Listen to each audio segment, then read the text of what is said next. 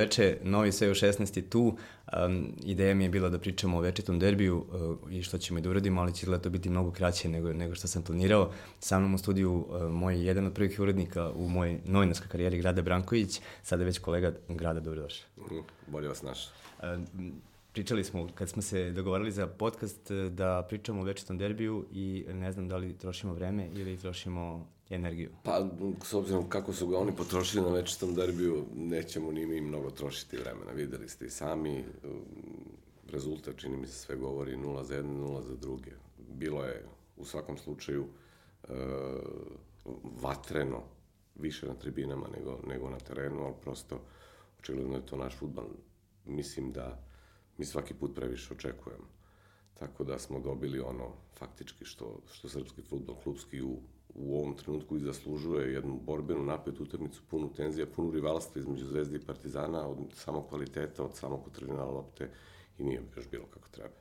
A, a čini mi se u izjavama posle utakmice da su igrači, odnosno akteri derbija, oni na terenu uh, bili naj, uh, poneli bilo, najviše utisaka. Njima je bilo top. Njima je bilo subjektivni osjećaj. O, o, njima je bilo zanimljivo, to su mladi momci, oni igraju i oni na kraju krajeva, mislim, to je svetinja srpskog futbala i svakako i sam pristup, oni, kao što znaš i kad smo radili u redakciji i kad, kad smo radili posle redakcije, taj večeti derbi se igra mnogo ranije i mnogo duže traje. Da. Tako da su ti momci počeli da igraju taj derbi još prošle nedelje, pa su odigrali. Kako su odigrali, igraće se još 7 dana. Večeti derbi je ipak malo više od futbala i u svakom slučaju ne treba ga ni kuditi, ni hvaliti. Što se terena tiče, videli smo, ali je opet fokus na toj utakmici ostao i ostaće sigurno za vijek i u srpskom futbolu. A da li ti neko pri, privuku pažnju sinoć ili generalno u Zvezdi Partizanu? Ne znam koliko pa, redovno pratiš i koliko Konkretno, malo... da. Ja sam se koncentrisao na, na gledanje tih novih igrača koji su došli u Zvezdu, prvenstveno malog Gavrića koji stvarno liči na igrača i na kraju krajeva jeste igrač, dovoljno je mlad da da budemo strpljivi sa njim.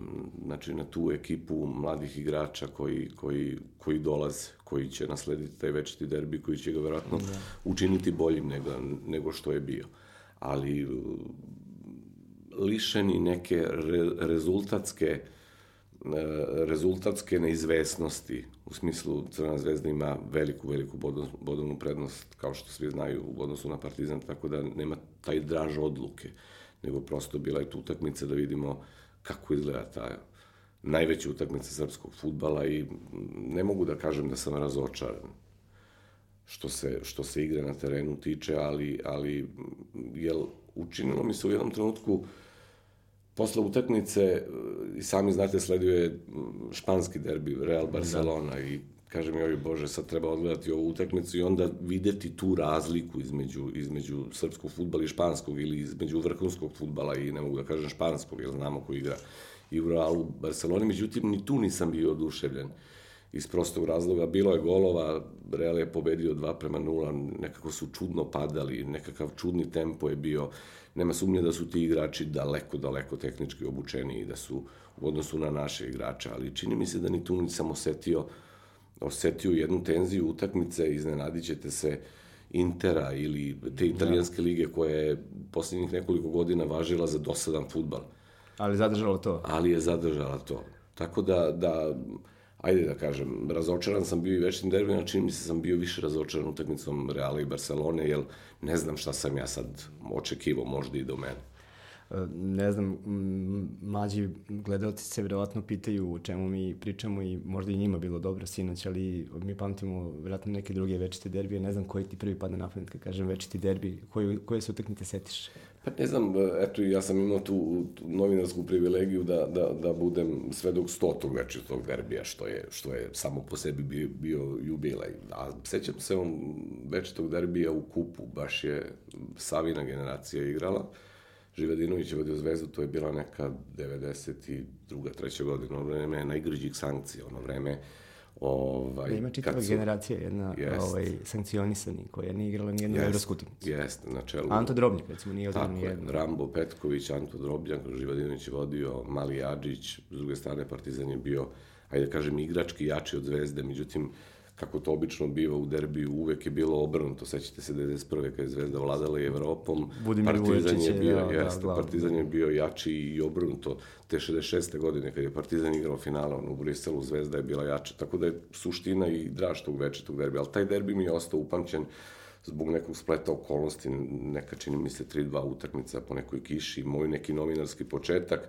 ja dole na terenu i prvi put uživo vidim šta se dešava faktički na utakmici i vidim kolika je to tenzija, koliko je to e, pa je bio neki problem između Grofa Božovića, tada zvezdinog e, igrača poslednje linije i golmana Pandurovića, pa sam ja tu upao u neku novinarsku zamku, bio sam novinar početnik, radio sam tada u sportu, pa sam tu neku njihovu svađu i prepirku, pretnju na terenu, ja prenao u nekoj blagoj formi u novinama, Pa su me onda su, su tada dali iz Zvezde, iz Partizana, teli da me tuže. Znači da si bio upravo. Jeste. Tu da me duže i, i, i zanimljivo je da, kako sam ja izjavio šta je Božović, rekao Pandurović, odnosno kako mu je pretio, ali ne u formi, današnjoj formi, nekoj žutoj formi novinarstva, nego, nego prosto sam teo da opišem kako to izgleda na terenu. Ovaj, I naravno njemu su u klubu rekli da sve demantuje, on je rekao da je novinar sve izmislio, ja u šoku. I sutradan me zove Grof Božović, ja kažem, sad će Crnogorac, sve na mene. On kaže, ja sam čovjek u časti, kaže, ja nikad nikog lagao nisam. Hvala ti, kaže, što si me propustio, ja sam to morao da kažem, nećemo ni tužiti ni ništa, ali prosto da znaš, znači nisam mogao da spavam, a da, da, da laž prođe kao laž. I tako je počela vatrometno i ta moja neka novinarska karijera, obeležavam sa mnogo, mnogo derbija, ali čini mi se da je taj bio najvetreniji. Zanimljivo, u prethodnoj epizodi e, naš kolega Darjen je sedeo i pomenuo je Grofa e, s kojim isto imao jednu, ovaj, e, dok je bio trener Zvezde, neprijatnu epizodu, posle koje otkrio mi je, ga je Grof pozvao i ovaj, ispričali su se bili. Tako divan da to, čovek, ovaj, da. divan čovek, divan čovek koji se, ne mogu da kažem, nije snašao u srpskom futbolu, ali s obzirom na njegov trenerski potencijal, mislim da je mnogo više mogo da uradi sa Zvezdom, ali nije imao problem na terenu, nije imao problem s igračima, nego u toj nekoj vrsti neposredne komunikacije koja, koja danas mnogo zavisi i koja na kraju krajeva karakteriše svakog trenera, jer danas više treneri nisu, nisu učitelji futbala, šta jedan Mourinho ima da uči onakvu ekipu. To su ljudi koji imaju strašnu, strašnu harizmu i koji koji vode velike klubove, velike timove, velike igrače, bogate igrače i onda moraju da nađu neki drugi način da bi došli do njih. Prošlo ono vreme stare garde Miljana Miljanića, kad su treneri bili svije i svija, danas uđete u slačionicu, to su milijarde oko vas okružene igrače svega i vi trebate obično tim klincima od 20 kusur godina da nađete način da im priđete na ovaj način. Ne, Mourinho je prototip toga trenera koji, koji uh, uspeva da svojom harizmom i, i, i, i, i svojim intelektom, futbalskim intelektom, iako pretpostavljam da mnogo manje od mnogih trenera zna o taktici, o terenu, o svemu ostalim, u, u, da, da, da nađe model i modus kako danas jedan trener funkcioniše. Ja ću vam ispričati jedan primer, e, ne znam koja je utakmica bila, Mourinho otišao iz Chelsea, bio je Manchester United pa su igrali derbi i sad je sva kompletna javnost bila, e, pogotovo londonska javnost, pogotovo Chelsea-eva javnost, bez obzira na sve ono što je on uradio za Chelsea, e, bila koncentrisana na njega i prosto se očekivao pako, to je bilo prvi put njegovo pojavljivanje protiv Chelsea. I da bi on rasteretio igrače, on, obično i sami znate, pred početku utakmice pola sata ranije igrači izađu, osete malo teren, zagrevanje lagano, pa se vraćaju u slačionicu, oblače, uh, ide taj govor čuveni i onda se vraćaju na teren. I on je taj put rekao igračima, vi ostajete ovde, izlazim ja. I onda je čovjek izašao sam na teren i onda ga je dočekalo sve. Znači, sav bes, sav izliv bes, i on je, besa, on je kružio oko terena, skupio tu negativnu energiju, sve ušao u, unutra u slačionicu i rekao igračima sad vi izlazite. Oni su izašli na teren, bio je muk, ništa se nije čulo. Sve je primio na sebe i, i suštinski to je ta razlika između današnjeg trenera i, i, i trenera ranije koji je morao da bude i futbalski potkovan, ali nije morao da ima, to, da ima ono što danas ima Mourinho. Da, mora da zna da pred kamerom i sa medijima to je možda i presudno. I sami znate kako izgledaju i Klopove konferencije štampu i Mourinhove konferencije za štampu, znači oni ih potpuno usmeravaju u interesu kluba, u interesu igrača, u interesu rezultata i svega ostalog. Ali vidiš to kod Ekije i Save, znaš i kod kad su klinci bili, ja da. počinjao si u to, u to vreme, sad me zanima i, i pisao si s utakmice reprezentacije dok su bili plavi. Tako je. O, ajde, o jednom i drugom malo. Pa, ti djeluje? Uh, prvo, mnogo ih volim i mnogo su mi dobri drugovi, jedan i drugi. E, to drugarstvo je, da kažem, sticano, raslo je i... Obojice su bili ovdje, ja se stvarno ponosan na to. Se, da, negovalo se od, od, od tog dana početka njegove karijere. Ja Deki ja znam iz omladinske ekipe Crvene zvezde koju je trenirao Pižo, najbolji trener omladinaca u, u, u ja mislim... Pravo što ste rekao da, sam, e, da mi nismo znali da koristimo to. Generalno, da. on je stavljan bio za selektora, trenera i sve, on je svaista, e, to je bila radionica. Jest, kako, kako bukvalno je? tako. Znači, postoje treneri koji su treneri vrhunski, postoje treneri koji su treneri, najteže raditi sa decom. Međutim, to svi u, u današnje vreme, svima je to manje važno, svi ti treneri koji rade sa klincima su nebitni, bitni su oni gore, međutim, to u pravom futbalu i u pravom poimanju futbala i shvatanju futbala uopšte nije tako. Prekinuo sam te. Navešću vam i da. primer Tottenhema, kako on to radi u, u, u, u toku priče, ali da se vratimo na, na, na Dekija, to je jedno divno, divno dete iz Zemuna koje, sećam se, jedan od prvih intervjua kad smo radili, uh, kad je otišao u Laciju. Zapravo radili smo naravno dok je bio u Zvezdi, ali ajde da kažem u to neko sazvežđe ovaj, naslovnih strana je došao kad je otišao u, u Laciju, onako mladi i perspektivan. I onda smo pričali o Rimu, bio je u Rimu i pitan ga šta ti nedostaje? Kaže, na šta grado?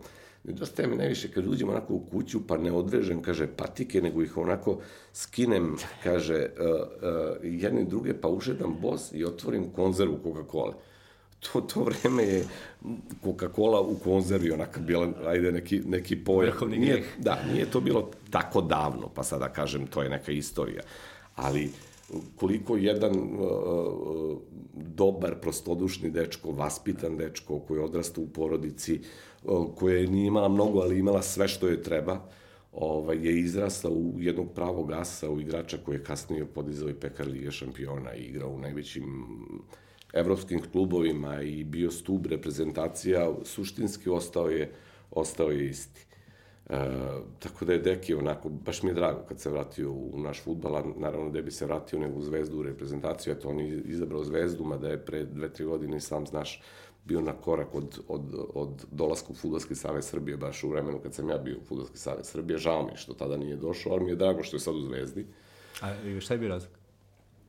Pa ja ne znam šta je bio razlog. Znači, to je bila uh, uh, dobra, dobra percepcija da, da, da je to ta osoba koja treba da preuzme Futbalski savez Srbije u, u, u tom trenutku. Tada je bio Tole Karadžić je bio, bio predsednik Saveza. I on je čak dolazio i čak obišao uh, Srbiju futbalsku i da li se on u tom trenutku razočarao ili su neki, nismo pričali konkretno o tome, da mi je baš rekao, e, to je razlog, ali čini mi se da je, da, da nije očekivao da je to toliko zapušteno, jer na koji god srpski teren danas već ne, ali u to vreme odete, to je uvek blato do kolena. Ja sam mu rekao, deki, uvek ćeš, uvek ćeš se vraćati kaljavi cipela. Prosto je to tako, znači, da li je ta svetla Italije i ta meka trava, koju on gazio tamo. Predugo da bio tamo. Jest. I onda je došao i onda je video da, da ovde, ne, ne da ima mnogo da se radi, deki je radnik, onakav kakav je na terenu, takav i kao čovek. No, on se nikad nije libio. On je jedan od redkih igrača koji, koji je nosio broj 10, a sam je rekao, ja ne zaslužujem taj broj. Uh, jel, uh, u neka davna moja futbalska vremena, a verovatno si ti osetio te početke, broj 10 je bio simbol da igrača koji odlučuju. Ja... On je, malo digresija na to, on je na tvojom mestu e, rekao jednu jako, jako lepu i jako tačnu stvar za, se, za sebe, što je u principu najveći izazov da sebe uh, onako postaviš da. na pravo mesto.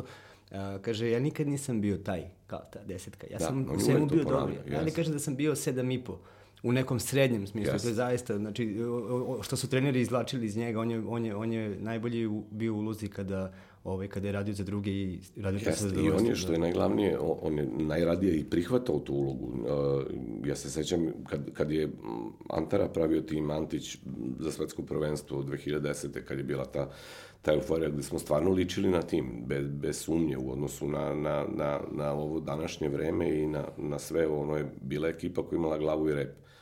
Uh, od njega se očekivalo više. I uvek se u reprezentaciji od njega očekivalo više. Očekivalo se da kad nosi tu desetku i kad nosi kapitansku traku i kad je Dejan Stanković koji igra u velikom klubu, da on treba da bude taj koji, on prosto nije bio taj igrač. Nije on, to bila ista uloga On nije bio jest, isti... Nije, jest. I on je uvek to govorio. Ja nisam taj, ja nisam taj. Znači, a mi, kao što znate, pravu desetku još od vreme, vremena Piksija i Ramba Petkovića i Ćirića koji su bili bili, čini mi se, taj tehnički potencijal da mogu to da iznesu, nema. Na kraju krajeva nema ih ni svetski futbol.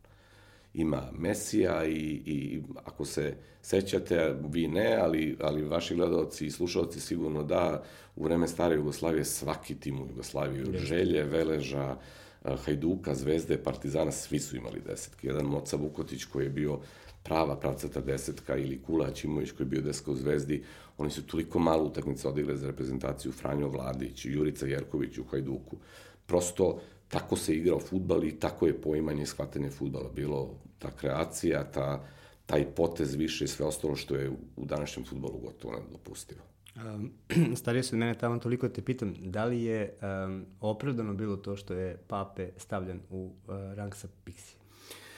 Da kažem ja, što se porodice Sušić, odnosno braće Sušića tiče, ne znam koliko ste ga vi gledali. Malo, e, mali sam bio, nisi, nije to bilo, nisam mogu da... A onda nisi gledao ni Seada Sušića. Sead Sušić je, je rođeni brat Safeta Sušić i igrao je u Crvenoj zvezdi. To je bio toliko svilen igrač. Znači, e, Pape Sušić je, je, je jedan od najboljih igrača u, u istoriji jugoslovenskog futbola. To je bez dileme. Na kraju krajeva on je, verovali vi ili ne, e, proglašen najboljim igračem u istoriji, najboljim strancem Paris Saint-Germain koji znate, posle da su igrali Ronaldinho i Beckham i Ibrahimović i svi ostali. Dakle, danas u Parizu, kad kažete Safe Sušić, to je, to je, to je vrhunsko božanstvo, najbolji stranac koji je ikada igrao u Parizu. Ali Sead Sušić je bio lepši igrač od njega. Znači, on je imao tu kreaciju, imao je taj vic. Iako je bio pomalo nezgrapan, uh, viši od, od Safeta, ali uži od njega, Tako da je ovaj tako da je e, Sead Sušić za mene ostao neotkrivena zvezda, jer nikad nije postigao ono što je objektivno znao. A Safet Sušić je imao tu sreću da imao Ivicu Osima i da se ta Sarajevska futbolska škola Sarajeva i željezničara da je tada dominirala u tom tehničkom pogledu. Sećate se želje onoga da. protiv Videotona, ono kupa UEFA, Harisa Škora, Mehmeda Baždarevića, Baljića. Ipak su oni imali tu neku neku harizmu, jer nije bilo lako, pogotovo u vremenu stare Jugoslavije, razbiti tu dominaciju Zvezde i Partizana, a oni su to uspeli. Tako da je Ivica Osim, koji je sam po sebi Štrausa Grbavice, sam po sebi takav igrač, obožavao Safeta Sušića i, i, i da kažem, do poznih godina ga, ga ovaj, e, držao u reprezentaciji. Meni je to prijalo u svakom slučaju. Možda je bilo boljih igrača, ali, ali nikad niste za Safeta Sušića mogli da kažete ne, on ne treba da igra. Savo Milošević je baš ovde... On je priča za sebe, da. on je, on je, uh, znači, baš, baš smo se družili, pogotovo u vremenu, u vremenu dok je on igrao za reprezentaciju, jako je mlad počeo da igra za reprezentaciju, sećam se, prvi put smo bili zajedno. Nije bilo lako, on je, on je, on je e, mora yes. da se suočava na svakoj, kako god da odigra, on je na stadionu Crvene zvezde bio dočekan na noži i, i vređen. Ali na stadionu Partizana. Da. I, I na stadionu Partizana, Partizana. Da ali e, njega sam, e, njegov lik i karakter uh, sam upoznao najbolje kad smo bili, to je 94. godina u decembru, bile su sankcije koje su završene i bili smo gosti za Božić, igrali smo protiv Brazila i Argentine, tada pokojni danas Miljan Miljanić. Napisao sam ovdje yes. za tu utakmicu. Miljan Miljanić. Nešto sam te da te pitam vezano za to. Miljan Miljanić je organizovao, možete zamislite, to je 94. godinu u decembru, u junu ili u julu, Brazil je postao prvak sveta. I prva utakmica koju je odigrao uh, posle te titule prvaka sveta, odigrao je za Božić u, u ovom... Porto Alegre. U Porto Alegre. I onda smo sa Argentinom igrali... Jeste, izgubili jedan mor. I, i ovaj, to je bio i oproštaj Dunge, sećate se kapitena Brazila Dunge, na toj utakmici se oprostio, tako da se, eto, veliki brazilski igrači i Pele se oprostio protiv Jugoslavije, opraštaju baš protiv Jugoslavije, i tad je samo Milošević bio klinac. I povao ga je, Slobodan Santač je tada bio selektor, povao ga je na taj put i ja se sećam da smo da smo ušli onako u, posle iscapljujućeg puta do Porto Alegre, da smo onako ušli u onu aerodromsku zgradu u Brazilu, već umorni od puta i svega ostalog. Ja vidim u toaletu, čujem neko komešanje, vidim dim, Savo puši, klinac. Kažem, gde je Savici? Kože, i on ne mogu da izdržim. Ne. Znači, tako je počeo. I posle izda su najvećeg profesionalca koji može da postoji. Bio i tad, ali bez sumnje. E, on Neko Coca-Cola, koji, ne, neko cigaretu, jest, ali on je... čovjek koji ne voli stege. Znači, on ima takav vrhunski, vrhunski, mnogo inteligentan. Baš inteligentan i iskusan u, u, u, u tim u životnim rolama koje je prošlo. Uh, i, i, I prosto je takav čovek koji nikad nije volao nikakve stege i nikada nisi mogao da ga ukalupiš. Takav je bio i kao igrač, sećate se, kad svaki dribling više, besomučno, ali prosto njega nisi mogao da kontrolišeš na taj način kako si mogao da naređuješ ostalim igračima. I takav je ostao do kraja. I ta njegova elekventnost koja je od Boga dar, je e, divna stvar u ovom poslu koji sad radi, jer pogledajte njegove konferencije za štampu, sve su smislene, sve su, sve su prijatne, sve su uh, potpuno opuštene, s obzirom na to iskustvo igračko koje, koje je imao i s obzirom na tu elekvenciju, mislim da on zaista može u tom trenerskom poslu da, da, da dogura daleko. Tako da je samo Milošević, sam se najbolji intervju, jedan od najboljih intervju u životu koji sam napravio, pred utakmicu sa Hrvatskom, igrali smo protiv Hrvatske, neodigranu utakmicu, kad je počelo bombardovanje. E, sedam dana pre početka bombardovanja, mart 97. godine, reprezentacija se spremala za utakmicu s Hrvatskom i bili su, bili su na Paliću u karantinu, odnosno na pripremama na Paliću i tu je doneta odluka da, da kreće bombardovanje, utakmica se odlaže i onda su oni svi kut koji tad, tad, tako da je ta utakmica s Hrvatskom tek ona 0-0 odigrana iz drugog puta I tu sam šetao na Paliću sa, sa Savom Miloševićem i pravili smo intervju tada o, o S. Miloševiću, tadašnjem predsedniku Aha. našem koji je tad bio i, i ceo intervju je, je bio u provejavanju te priče S. Milošević i, i, i prosto sam tu video i, i tu političku orijentaciju. Ne da je Milošević bio protiv Miloševića, nego je bio protiv svega toga što se dešava. U to vreme, sećate se tih stega, i svega ostalog e, nije baš bilo lako izgovoriti sve ono što je izgovorio Slavov, a boga mi ni lako napisati sve ono što sam ja napisao. Tako da smo tu napravili neku hemiju, poverenje i svega ostalog i svaki put sa samom nikad ne možete napraviti običan intervju, spremite pet pitanja odete, jer njegova priča i njegova, njegovo viđenje uvek ide u nekom pravcu koji vas odvede na neku zanimljiviju, zanimljiviji put nego što ste ga vi pretpostavili. E, da ne zaboravim, odvrši nas priče dalje, e, lutamo malo, za Porto Alegre sam tebe te pitam, ja sam gledao, um, skoro sam pustio te highlights-e. I vidio da li... si Branko gol ili... Ne, vidio sam Pixije, nekad odigrao onako kao protiv Brazila. Uh -huh. Ono je bilo spektakularno. On se, on, on se igra, on je, on je, on je čekao celo, celu karijeru da, da, da odigra ta, Jeste, kako. jeste. I mi smo izgubili tu utakmicu 2-0, dao nam je Branko prvi gol. Ako se dobro sećam sa leve strane, da. znači ja u životu nisam video takvu brzinu lopte. Znači, to je tako prohujelo Pandurović, čini mi se branio, u stvari ne, čini mi se, nego siguran sam. Iz kolena, onako... To je neverovatno bilo i onda sam shvatio tu, tu magiju brazilsku. Prvo, draga mi je ta utakmica i, i drago mi je da sam držao pehar onaj prvak sveta u rukama.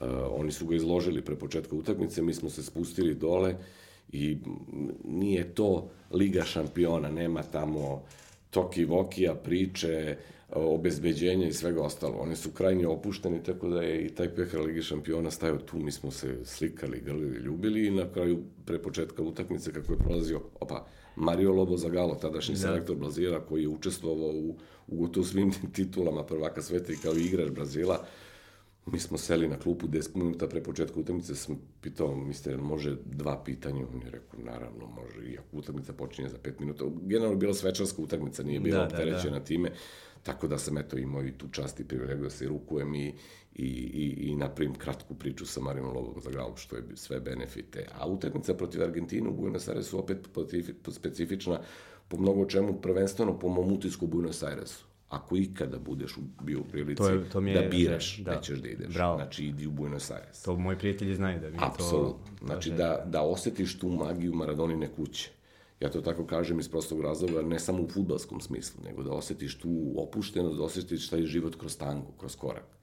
Znači, Buenos Aires je najlepši grad definitivno na svetu, ili sam ga ja u tom trenutku tako doživao. Ja ti verujem, ali nisam bio. Da, izgubili smo tu utakmicu od Brazila, jeste. Od Argentine.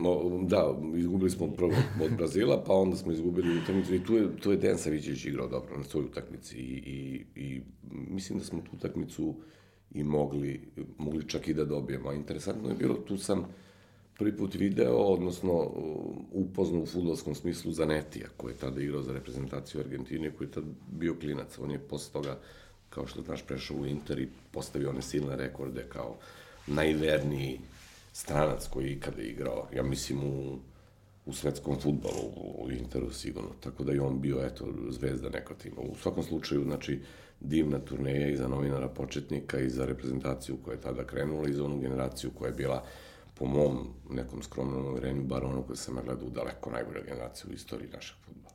Dobro, sad e, dok te slušam, ovako se evo mi pitanja, mm -hmm. kratko ću te pitati tvoj utisak, zašto ta generacija nije radila više? Neću da kažem šta konkretno, postala prvog sveta, ali zašto nije uradila više? Reći ću ti uh, uh, simbolično, ta generacija uradila više i postala je, uh, postala je treća na svetu, 98. u Francusku, samo u dresu Hrvatske, nažalost. Uh, to je ta generacija čilanaca, pomognuta da. igračima, Piksijem Stojkovićem, Dejanom Savićevićem, Sinišom Mihajlovićem, koji su bili, Jugovićem, koji su bili malo stariji, ali uh, nosili su, kao što znaš, Peđa Mijatović sa ove strane, Boban Šuker, Jarni i ostali. Um, sreća ili nesreća je htela da ta poslednja generacija u istoriji jugoslovenskog futbala na taj način bude pocepana, da, da, da, da ne bude ne bude jedan tim a suštinski oni su rođeni kao jedan tim, igrali su kao jedan tim i, i razdružili su se i završili su u Čilu kad su postali prvaci sveta.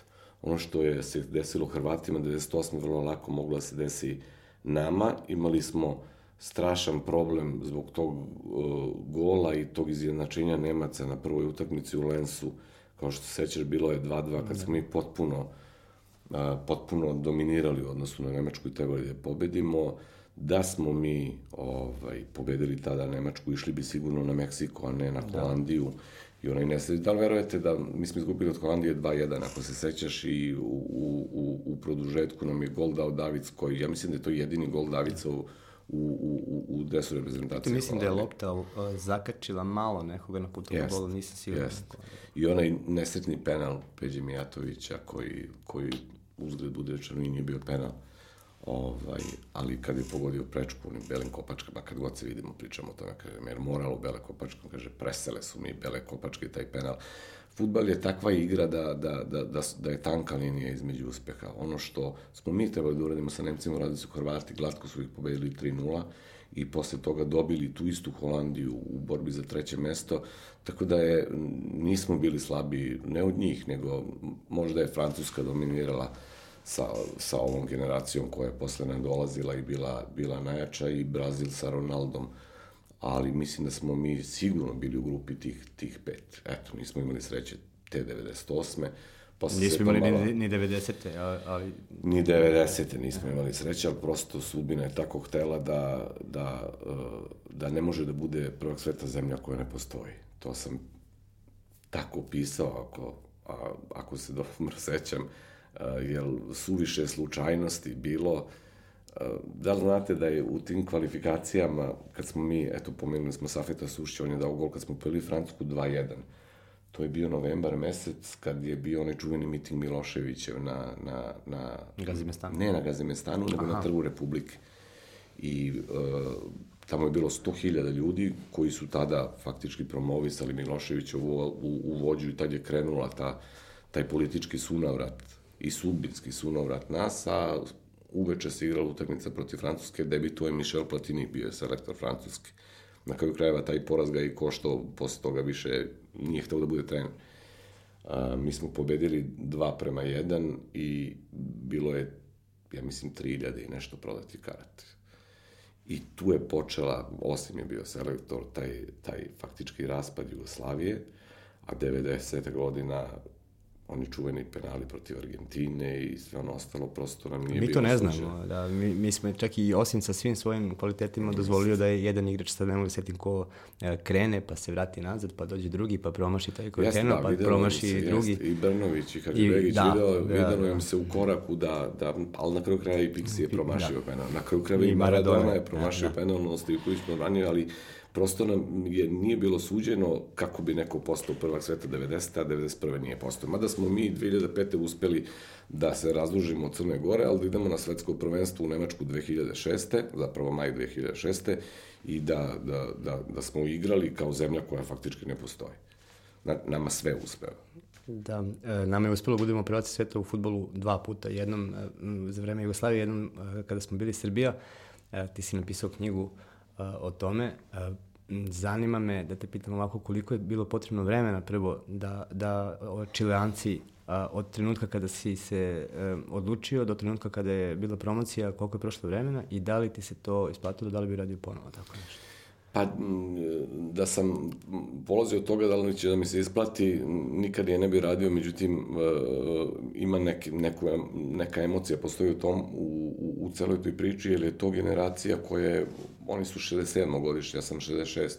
Ali smo generacije zajedno odrastali. Kako su oni rasli kao igrači, tako sam ja rasao kao novinar. I prosto u nekom trenutku smo se, smo se susreli, dobro sam ih uglavnom sve poznavao, I onda me Vlada Stanković, e, naš čuveni novinar i, da kažem, i publicista, eto, zamolio da, da, da napišem tu knjigu. Naravno, ja sam prihvatio, kad sam okrenuo sve njih, oni su svi već bili, naravno, po svojim državama, u svojim poslovima, ali su, ali su živi ljudi koji, koji, koji, koji, koji ne moraš da zamišljaš, kao što je Bijela morao u Montevideo da zamišlja. Ja pa je eto, to njemu dalo slobodu da i, da i romantizuje tu priču na briljantan način kako je to uradio i napisao sam knjigu o, o njima, to je definitivno najtalentovanija generacija u istoriji futbala. Ja kad sam razgovarao sa ljudima iz UEFA i FIFA, mm, oni su rekli da su oni zvanično najtalentovanija generacija u istoriji futbala. Jer imali ste od 11 igrača, četiri igrača Reala. Znači, Jarni, Mijatović, Prosinečki, Šuker. Četiri igrača Reala od 11, imali ste Bobana koji igra u Milanu, ne znam, Lekovića koji je branio u Škotskoj, Petrićka, Petrića koji igra u Glazgovu. Dakle, ne postoji uopšte generacija koja je, koja je toliko dominirala svetskim i evropskim futbolom, klubskim, kako su dominirali oni. Na kraju krajeva i ovi reprezentativni uspesi, pre svega Hrvata, koji su, ajde da kažem, i nosili tu, tu reprezentaciju Čelanca i onda posle Uh, ja sam knjigu napisao 2000, ja mislim, 12. Onda mi se rodila ideja da napravim film.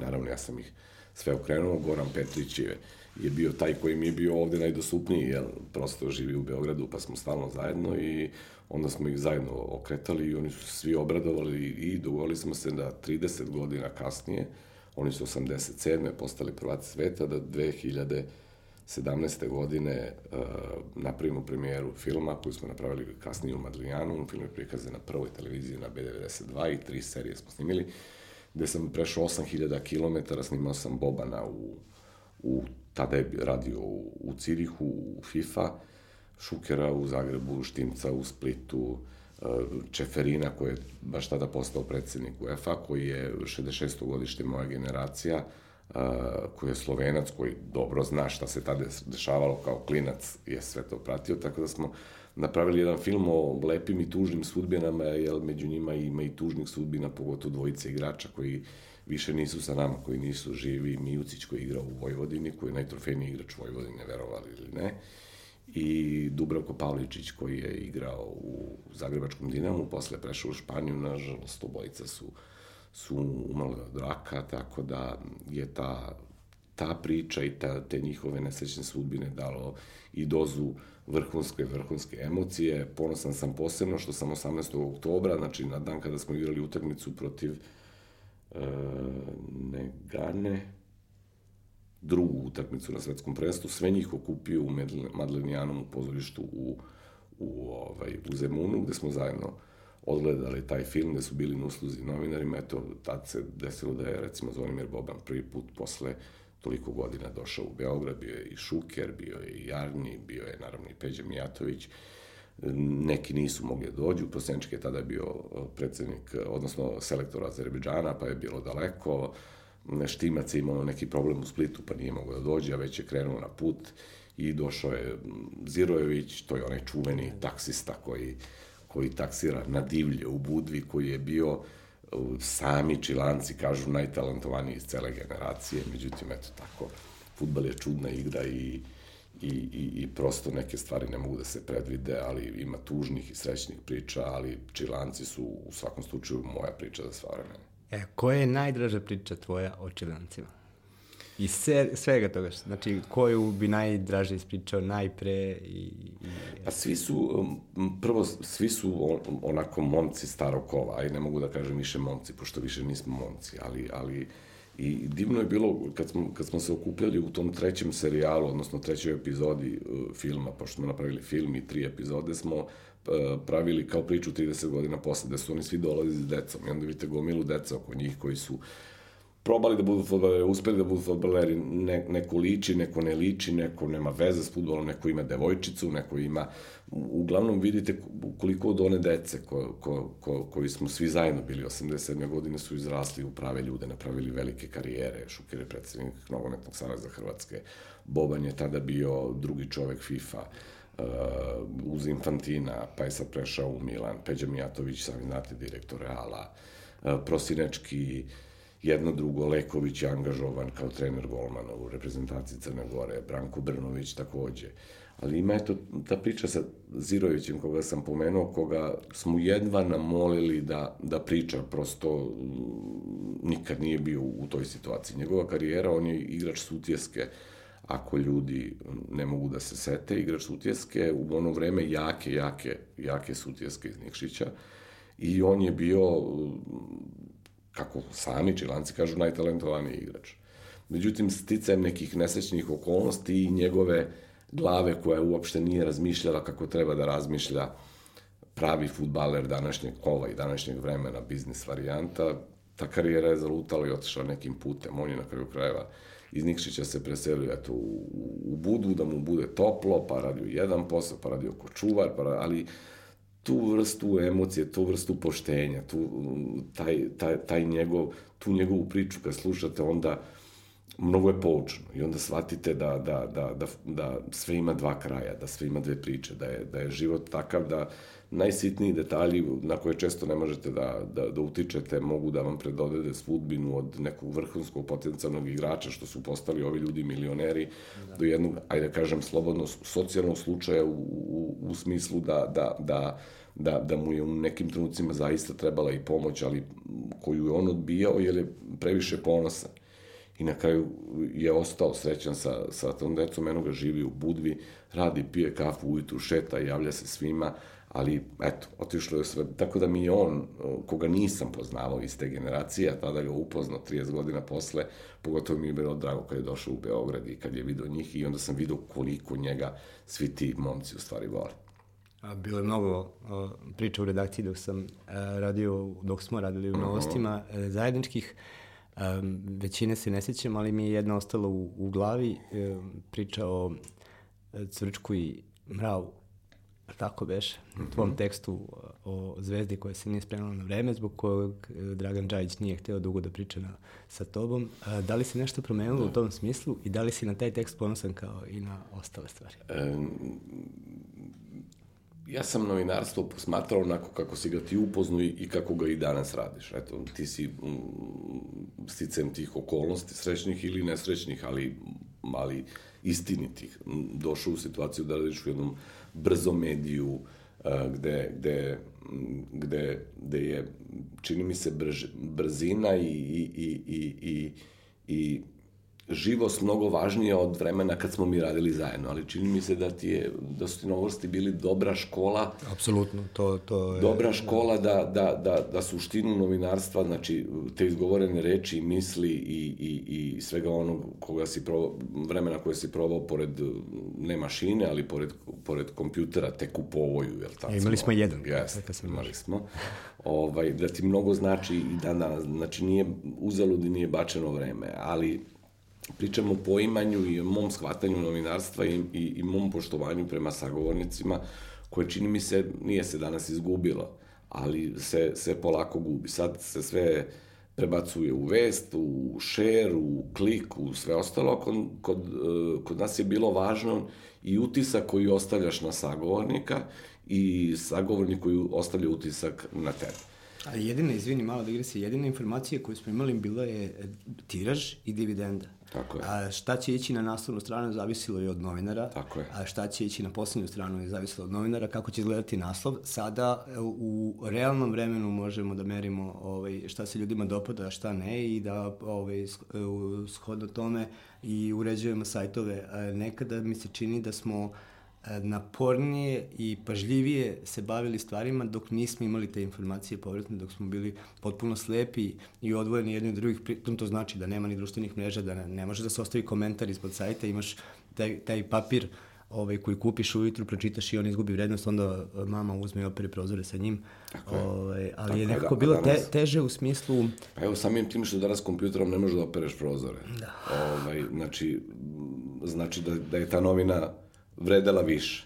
Ali ti se sećaš, koliko se sad puta ispod, prvo koliko vesti napišeš ili koliko napišeš intervju reportaža? Ja, ja verujem malo u vreme kad, si, kad smo radili zajedno u novostima, sećaš se koliko puta si napisao na kraju testa ili ne, teksta ili Nikola da Janković ili N. Janković. Da, ali dešavalo se da ne uđe prosto to, ono, Just. imamo stranu i po dva, dve i, i nema mesta, to je, to je bio drill onako koji treba, on, on, on zahteva i, Jest. i da se, da se emotivno... Jeste, ovaj... i sama činjenica da si se ti nekad potpisivo ispod teksta davala je važnost tom tekstu. Danas e, ljude apsolutno ne interesuje ko je to napisao. Ne zato što nego, nego, nego prosto to što je napisano ne zaslužuje da neko se potpiše ispod toga. Ja su generalno sve vesti danas, danas vesti.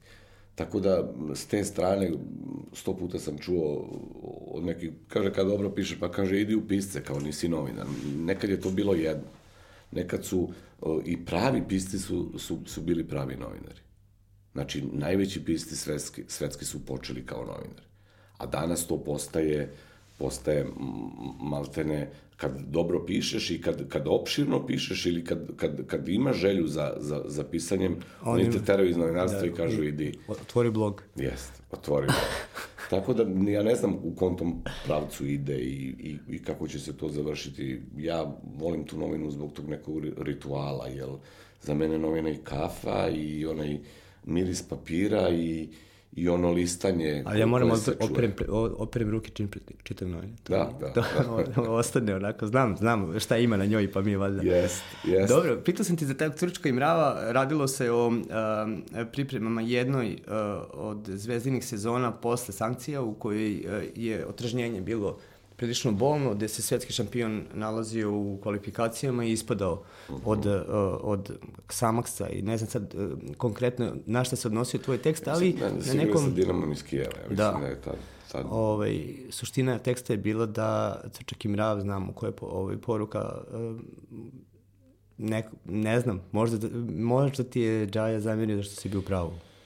Pa, uh, uh, ja shvatam tu uh, uh, uh, tu zamku koju nose Zvezda, Partizan i te, ajde da kažem, velike futbalske institucije. Nije tu samo u pitanju odnos između mene i Džajića ili, ili, ili bilo kog drugog. Znači, to je čitav sistem koji, koji okružuje Zvezdu i Partizana i gde, gde, gde, gde prosto je odijom takav i odjek svake izgovorene ili napisane reči je takav da može da implicira neke, neke druge stvari. Ja, ja sam upotrebio tu metaforu i čini mi se da sam, da je ga najviše zabolilo što sam uh, ja napisao da, da su oni ličili, ne znam, na Mercedes koji ima motor Juga 45 ili tako nešto.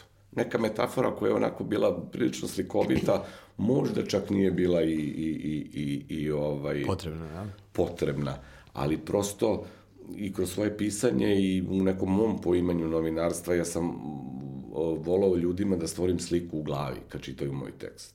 Bilo da izašte se utakmice, bilo da je odjeva, bilo da je intervju.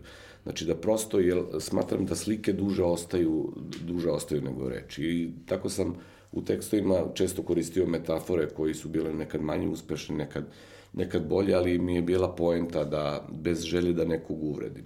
Njemu se to nije dopalo u nekom trenutku i onda smo se mi, e, ja to nisam znao, zapravo čuo sam, ali nisam znao i onda smo se videli, igrali su Zvezda i Ofka na Karaburmi i ja sam došao na utakmicu i, i prošli smo onako kroz ložu, odnosno kroz, kroz dano poluvremenu i pre utakmicu mi se nije javio, što je meni bilo jako čudno, jer nikad nisam imao situaciju da sam ni sa jednim bilo futbalerom, bila, bilo trenerom, bio u konfliktu, u konfliktu, čak ni sa njim nisam bio.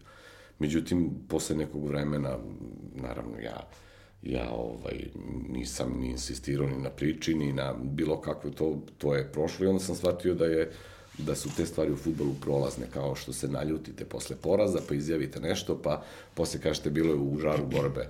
Eto i to je bilo, čini mi se, u žaru borbe. Ali nikad nisam imao problem ni sa jednim igračem, nikad mi niko nije rekao šta da pišem, nikad mi niko nije zamerio što sam što sam napisao ovako i onako, čini mi se zato što sam dobro vagao između, između uvrede koje danas do, dominira i kritike koja, ko, ko, ko, koja je daleko od uvrede, što je danas jako teško. A, jedna stvar, jedna stvar koju ću pamtiti kada si ti u pitanju um, je uh, ostavka iz moralnog čina koja je danas uh, arhaizam i um, hipotetika čista i sve je opravdanje, a ništa nije uh, uzrok i ništa nije razlog. Uh, a ako bih sad, ne znam koliko gledalci znaju, ponovit ću šta je bilo, pre, jedna od prvih uh, konferencija za štampu Futbolskog saveza Srbije. Promocija. Promocije, da.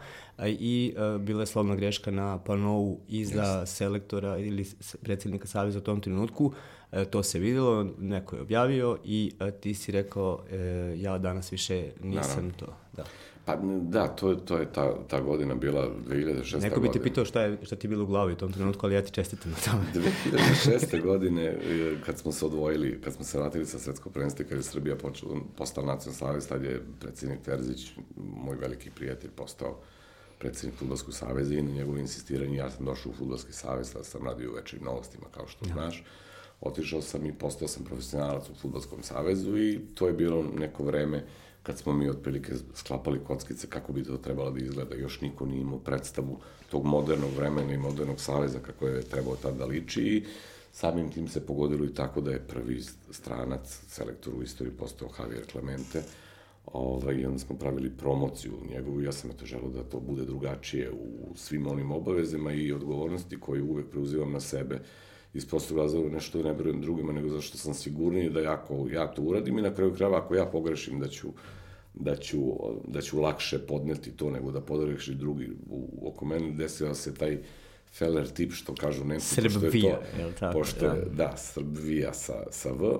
Prosto je i štamparije, ta pozadina koja je stajala tu, došla 15 minuta pre promocije. Mi kad smo je razmontali i kad su je ljudi postavili na taj deo, videli smo i sad je bila samo moja dilema da li da skinem to ili da ostajem. Ja sam tu neiskusno postupio, ostavio sam računajući sav fokus i centar pažnje će biti na događaj promocija selektora, međutim nije na sreću ili nažalost tako bilo i s obzirom da je da je Terza faktički mene doveo u savjet, što smo radili zajedno i da je on tad bio najviše na udaru uh, kao predsednik Saveza i kao neko u, u koga su bile oči uprte za taj modern Savez, ja sam više prijateljski nego profesionalno postupio tako što sam se ja povukao, ali u pravom smislu reči, kad, kad kažete ostavka, to u, u, u našem sistemu, u našem društvu, u, u, u ovom vremenu zvuči uh, retorički. Ne, i on je rekao, ajde skloni se malo, a nije ništa tražio. Prvo, kažem, ne, neću se sklonim, nego neću više da radim taj posao. Tražimo drugi posao, odnosno drugi način, ali tu vrstu posla više neću da radim. Što je zazvučalo i onda od one... A zašto je to bitno? E, e, ljudi možda ni ne razumiju. Pa, ja sam tad upoznao, ja sam tad recimo šest meseci izašao iz novinarstva i sve te kolege koje su pisale to su bili ajde kažem, moji prijatelji. Međutim, prepoznao sam tu, tu žeć za, za, za, za tuđim neuspehom, da se oseti krv, već tad u tom novinarstvu. Prosto mi je bilo neverovatno da neki ljudi koje sam baš dobro proznao, možda mi nisu bili prijatelji, ali, ali su mi bili kolege u onom pravom smislu reči, poštovali smo se, bili najubitačniji u tim, u tim i što je glavno, svi su pucali na terzu, što je u novinarskom smislu logično, jer koga interesuje Grada Branković, nebitno je, nego je, nego je bilo njega. I ja sam naravno primao, primao sve to i pokušavao da usmenim na sebe, ali mi nije bilo jasno kako je moguće ta krvožednost e, ljudi sa kojima si šest meseci pre toga delio. I onda, kad sam ja rekao da, da više neću da radim taj posao i kad sam, onda su oni mene zvali, ne izvinjavali se u smislu e, izvini, nego kao alal ti vere i sva. Ti najviše koje su, oni su mi posle čestitali. Tako da sam shvatio posle da, da, da nije sve to tako baš romantično kako ja zamišljam, da, da, da su ljudi baš takvi, da su kolege baš takvi. Ima i ovakvih i onakvih. Na kraju krajeva ja sam se družio sa vama, koji ste bili sastavni deo moje redakcije. Ti znaš da nas je bilo 17, mi smo faktički bili mogli smo celu novinu da pravimo koliko je bilo. Tako je nekad bilo novinarstvo. Ne ovo što ti danas radiš, pa radiš sve i ostalo. Svako imao neko svoje zaduženje i nije bilo lako, ali smo imali, ako se sećaš, neki odnos i prijateljski i... Jest. i bilo više i vremena za Jest. razgovor u samoj redakciji. Jeste, e, a onda nisam osetio to u ovom primeru i to mi je bila dobra škola za dalje, da vidim da ima i ovakvih i onakvih i da, da uopšte ne treba sa te emotivne strane pristupam tome, na kraju krajeva ja sam profesionalac i i pogrešio sam i za to postoji, postoji ajde neću kažem kazna, grubo zvuči, ali sankcija koju sam ja odabrao sam za sebe. Jer ja kad volim da nagradim, volim da me nagrade drugi ako zaslužujem, a kad treba da se nešto kaznim, volim da kaznim sebe. Kratko da te pitam, e, pre ono što ćemo se rastati, oti, otići na kafu, da li idemo na euro? Ja bih volao, jer mislim da je Ljubiša Tumaković to zaslužio i srpski futbal to zaslužio. 20 godina nismo bili, ima simbolike, ne sećaš se, bio sam te 2000. te godine kad smo i pobedili tu Norvešku 1-0, baš računajući da igramo i sad baraš sa, sa Norvežanima, pa bi volao da se ponovi ta 2000. godina i mislim da je Tumbaković kao ime, prepoznatljivo ime u srpskom futbolu i kao trener koji, koji je sad trenutno na svom zenitu, kao jedan od redkih koji je počeo od radničkog Novog Beograda, pa se peo 15 titula u Partizanu, pa pravio karijeru u inostranstvu i na kraju došao kao selektor. Znate kako, kad su mm, da. pitali Murinja kad će da bude selektor Portugala, kaže, bit će to moja zadnja trenerska uloga. Mm. Znači, nećemo okretati stvari na glavačke, pa treneram to, nego, e, tako je Tumbaković došao. Mislim da on zaslužuje, mislim da on da on dobro kontroliše situaciju, mislim da on, da on sve zna, a sad koliko ćemo imati sreće, koja nam je neophodna, koliko, koliko su Norvežani stvarno toliko jaki, koliko čitam, odnosno slušam od drugih, ne znam, ali bi stvarno volao da, da to bude da to bude dobra stvar i za srpski futbal, a i za mogu velikog prijatelja Tubakovića. Hvala što si bio gost. Hvala tebi, bilo je divno.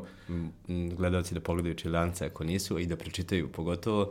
Um, hvala što ste gledali SEO 16 do sledećeg ponedeljka i grado uvek si dobrodošao. Hvala.